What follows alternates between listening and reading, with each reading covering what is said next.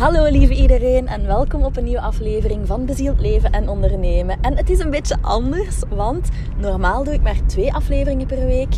Maar ik voel zoveel plezier met dit te doen. Ik heb zoveel te vertellen, ik wil zoveel dingen met jullie delen, dat ik denk, ik ga automatisch en sowieso twee per week doen. Maar wanneer ik het voel, doe ik er gewoon nog meer. Dus here we are.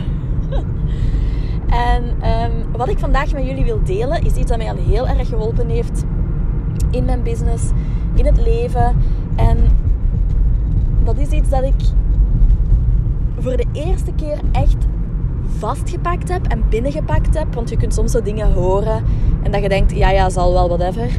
Um, of, of dat je denkt van, ah ja, interessant, maar het dan toch niet doet of niet echt belichaamt. En soms kun je het gewoon niet pakken. Moet iemand het op een andere manier zeggen of moet het in een andere context gezegd worden. En ik zat enkele maanden geleden in de yogales. Ik doe yin yoga. En um, daar zei die vrouw plots: Je moet niks Um, je moet niks presteren. Laat de druk om te presteren maar los. Je moet niks speciaal doen. Je moet gewoon zijn. En daar viel precies 20 kilo van mij af. Dat was ongelooflijk. Ik voelde dat. Dat kwam binnen. En onmiddellijk kon ik dat dan ook beginnen toepassen op, op andere vlakken in mijn leven. En dan vooral op mijn business. En um, het is een zin dat mij dus heel erg geholpen heeft. En waarvan ik denk dat het jullie dus ook echt gaat helpen. Want wat ik heel vaak zie bij mensen is dat de druk om te presteren echt wel roet in het eten gooit en zorgt voor een misalignment. Dat je dus niet meer ja, in die flow zit, in die goede energie zit. En dat is vaak een druk die we onszelf opleggen.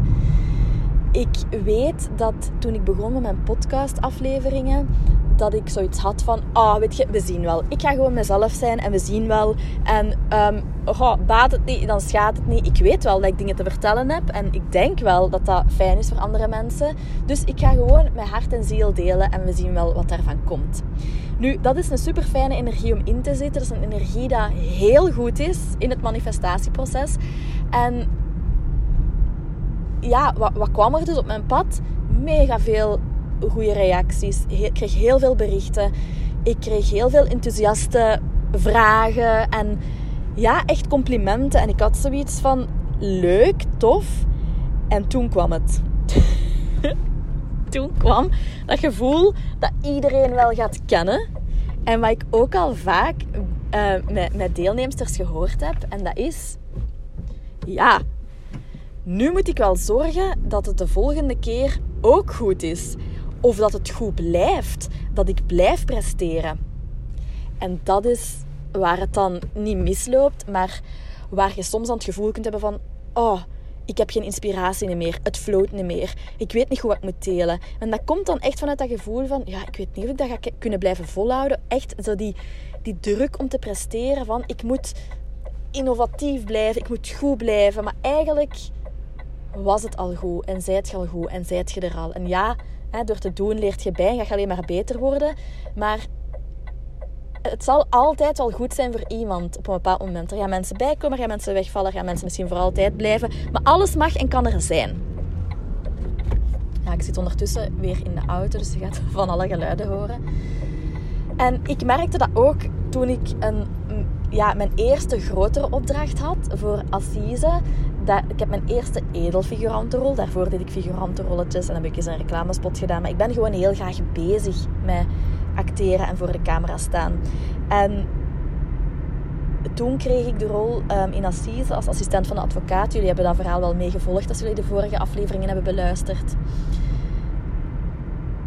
En dan kreeg ik vaker de vraag ja, en wat zijn de plannen nu? En wat gaat je nu doen? En wat is je volgende opdracht? En dan merkte ik dat dat er ook weer in aan het sluipen was bij mezelf. Van ja, ik moet zien dat ik snel terug andere opdrachten krijg. Want anders gaan mensen denken van ja, dat, dat was maar een lucky shot. En misschien is het toch niet zo goed genoeg. En ja, en, en met, met wat is eigenlijk bezig? En ja, dat waren vooral mijn gedachten. Hè? En als mensen dat dan vragen en als, je dat dan als dat dan op je pad komt, dan is dat gewoon maar een weerspiegeling van wat er bij u aan de binnenkant aan de gang is.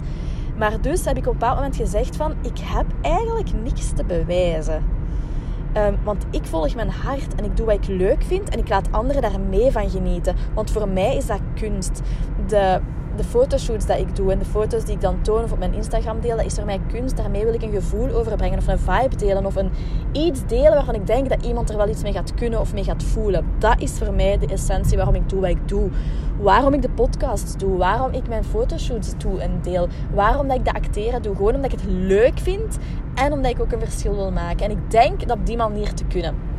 Ik weet, ja, ik vind het gewoon prachtig dat je ja, ik noem dat kunst met kunst, creativiteit, dat je daarmee een ziel kunt beroeren, dat je daarmee een verschil kunt maken. Op welke manier dan ook, want dat is voor iedereen anders. Hè. Dat is voor interpretatie vatbaar. Maar dus heb ik, ben ik geshift van... Oké, die volgende opdracht moet binnenkomen. Want ik moet, ik moet tonen dat ik, dat ik goed bezig ben. Hè, dat, dat ik niet stilgevallen ben. Dat het blijft flowen. Naar, ik volg mijn hart en mijn ziel. Ik kijk al wat er komt. Ik maak vooral plezier en ik heb niks te bewijzen. Ik mag de, prestatie, de prestatiedruk, die ik vooral tussen aanhalingstekens mezelf opleg, loslaten. En ik heb mezelf ook echt die toestemming gegeven. En ik hoop dat met deze aflevering dat ik jullie kan motiveren om hetzelfde te doen. En eens te gaan kijken in jullie leven van waar voel ik de druk om te presteren. En vooral, hoe houdt het me tegen? Hoe houdt het u tegen?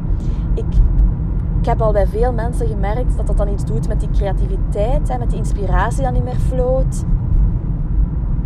Je voelt dat ook aan mensen. Wanneer mensen iets doen omdat ze denken dat ze het moet doen, moeten doen, of omdat ze iets doen vanuit bezieling en vanuit plezier. En automatisch gaan mensen in uw energie willen zitten als je vanuit bezieling en plezier dingen doet. En gaan mensen bij u willen kopen of gaan mensen bij u in, willen zijn of deelnemen aan wat je deelt. Omdat dat gewoon, om de authenticiteit en plezier gewoon een van de hoogste vibraties is. Dat is mega aantrekkelijk. Dan zijt je echt zo'n magneet. En nu klinkt dat zo gemakkelijk, hè? van ja, kom aan mensen, zet u eens in de energie van I don't give a shit, ik ga gewoon mijn zin doen, ik doe wat ik leuk vind en de rest volgt wel. Dat is niet zo gemakkelijk. Dat is een kunst. Dat is iets waar ik jaren mee bezig ben om dat te kunnen en nog niet altijd in slaag. En elke dag 100% moet ook niet. En dat is waarom ik ook zoveel plezier heb om mensen dat te leren. Om echt zo die, die fijne kunst daarvan te leren. En om die balans te vinden. Want het is een beetje zoals koorddansen. Het is een evenwichtsoefening. Balans is voor mij zo'n grote en belangrijke factor geworden in mijn leven. Want ik was heel erg alles of niks. Zwart of wit.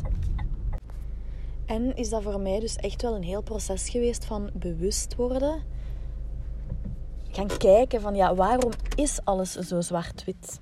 Moet alles zo zwart-wit zijn voor Julie? En dan dat gaan shiften. En dat is een... Dat, dat gaat al veel beter. Maar, en dat wou ik vandaag ook delen, dat is iets wat ik gisteren heel erg gevoeld heb. Het is vooral ook een aanvaardingsproces. En dat is de balans. Uzelf aanvaarden zoals je zijt. En anderzijds ook wel wat aanpassingen doorvoeren. Zodat je het leven kunt leiden dat je wilt. Zodat je je dromen kunt waarmaken. En... Sorry, ik sta hier op de parking en hier gaan ineens spiegels van, de, van een andere auto raar doen. En dat is wat ik gisteren heel erg gevoeld heb. Um,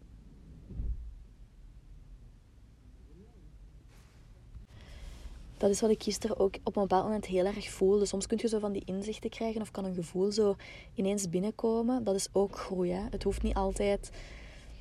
Ik zeg ook altijd tegen de mensen waarmee ik samenwerk: nu mocht je even de prestatiedruk loslaten. Nu mocht je even plezier gaan maken, gaan genieten. Want ik voel dat je te veel aan het doen bent. En je mocht ook de tijd nemen om dingen tot u te laten komen. Dat is ook heel, dat is ook innerlijke groei.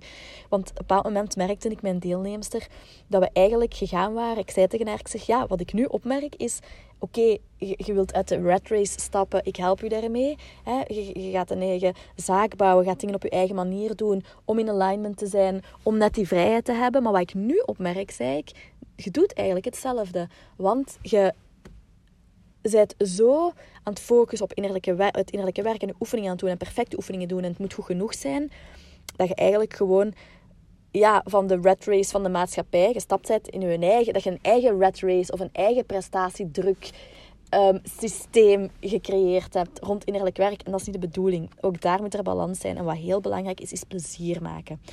Zoals ik net zei, plezier is een van de hoogste frequenties waar je in kunt zitten. En dan stroomt het automatisch naar u. Dus ik nodig naar uit van ja, ga deze week in de plaats van in oefeningen te zitten, maar eens gewoon plezier maken en laat het los en kijk maar eens wat er op je pad komt. Maar dus, wat ik dus aan het vertellen was, ik moet mezelf lachen omdat ik weet dat ik heel erg van de hak op de tak spring en omdat ik het heel erg apprecieer dat ondanks dat jullie toch mijn podcast geweldig vinden. Um, dat ik voelde, ik zat aan tafel met mijn kinderen en ik zag mijn keukentafel. Dat was echt een rommel, niet normaal. Daar lagen plasticine daar lag eten tussen, daar lagen boeken van mij, want ik heb zo'n hoopje dat ik maar niet opgeruimd krijg. Hoe erg dat ik daar ook mijn best voor doe, dat komt altijd terug. En ik zag dat en normaal zou ik zo denken van... Ga, allee zeg, in wat voor een chaos moeten die kinderen altijd leven met mij?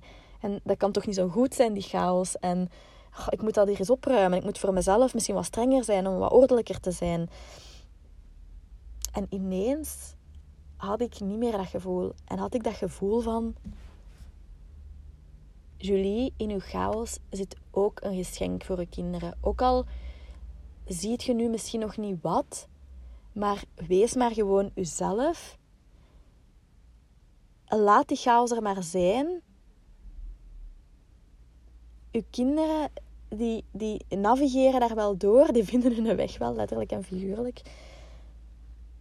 En ja, ik kan het heel moeilijk omschrijven, het gevoel. Maar het kwam eigenlijk neer op die goede balans tussen die, het accepteren van mezelf, hoe dat ik ben. En toch ook een beetje rekening houden met de andere mensen die, in, in, die bij mij moeten samenleven, om het zo te zeggen. Maar dat ik vooral het gevoel had van... Ik, het maakt niet uit. Ik mag zijn wie dat ik ben. En dat is oké. en dat is echt wel goed genoeg. En hier en daar gaan we misschien wel eens moeten kijken van hoe kunnen we dat doen. We werken met anderen die anders denken. Sebastien is heel ordelijk en heel gestructureerd.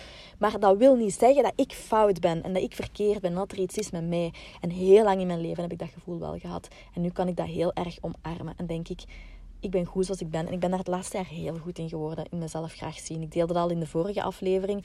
Ik ben daar goed in geworden. En dat is door vooral met mijn innerlijke kind te gaan werken, door te connecteren met mijn innerlijke kind en door, elke, ja, door heel veel naar mijn noden en grenzen te kijken, door voor mezelf op te komen, door mijn grenzen te stellen, door moeilijke conversaties aan te gaan. En dat, dat werpt gewoon zijn vruchten af. En ik zie dat nu echt in mijn, ja, in mijn realiteit opduiken. Dat ik mezelf graag zie en heel mild kan zijn voor mezelf. En daar hoort ook bij dat je jezelf mocht toestaan om gewoon te zijn. In plaats van te presteren en hopen naar het volgende ding en dingen te moeten en jezelf pas goed genoeg te vinden als je genoeg gedaan hebt of alles gedaan hebt. Want een van de universele wetten is niet er zijn er 18, hè, dat had ik al gedeeld. Daar zit geen enkele, in, in, in al die 18 is er geen enkele wet die zegt hoe harder dat je werkt, hoe meer het er op je pad komt. Geen enkele. Ik weet niet wie dat ooit in het leven heeft geroepen, maar my god, you didn't do the world a favor. Het is net door inspired action te nemen en te rusten en mild te zijn voor jezelf en in overgave te gaan en ja, nog een aantal dingen door, door dat te doen, door gewoon te zijn, door gewoon echt je unieke, authentieke zelf te zijn, dat de dingen op je pad komen en de juiste dingen. Dus laat mij weten wat jullie vonden van deze extra podcastaflevering. Het is nu woensdag. Oh nee, het is dinsdag. Amai, ja, ik zit in mijn eigen wereld even. Het is dinsdag. Dus er is vandaag een nieuwe aflevering online gekomen. Dus ik ga die morgen gewoon delen. Laat me weten wat jullie ervan vonden en tot snel.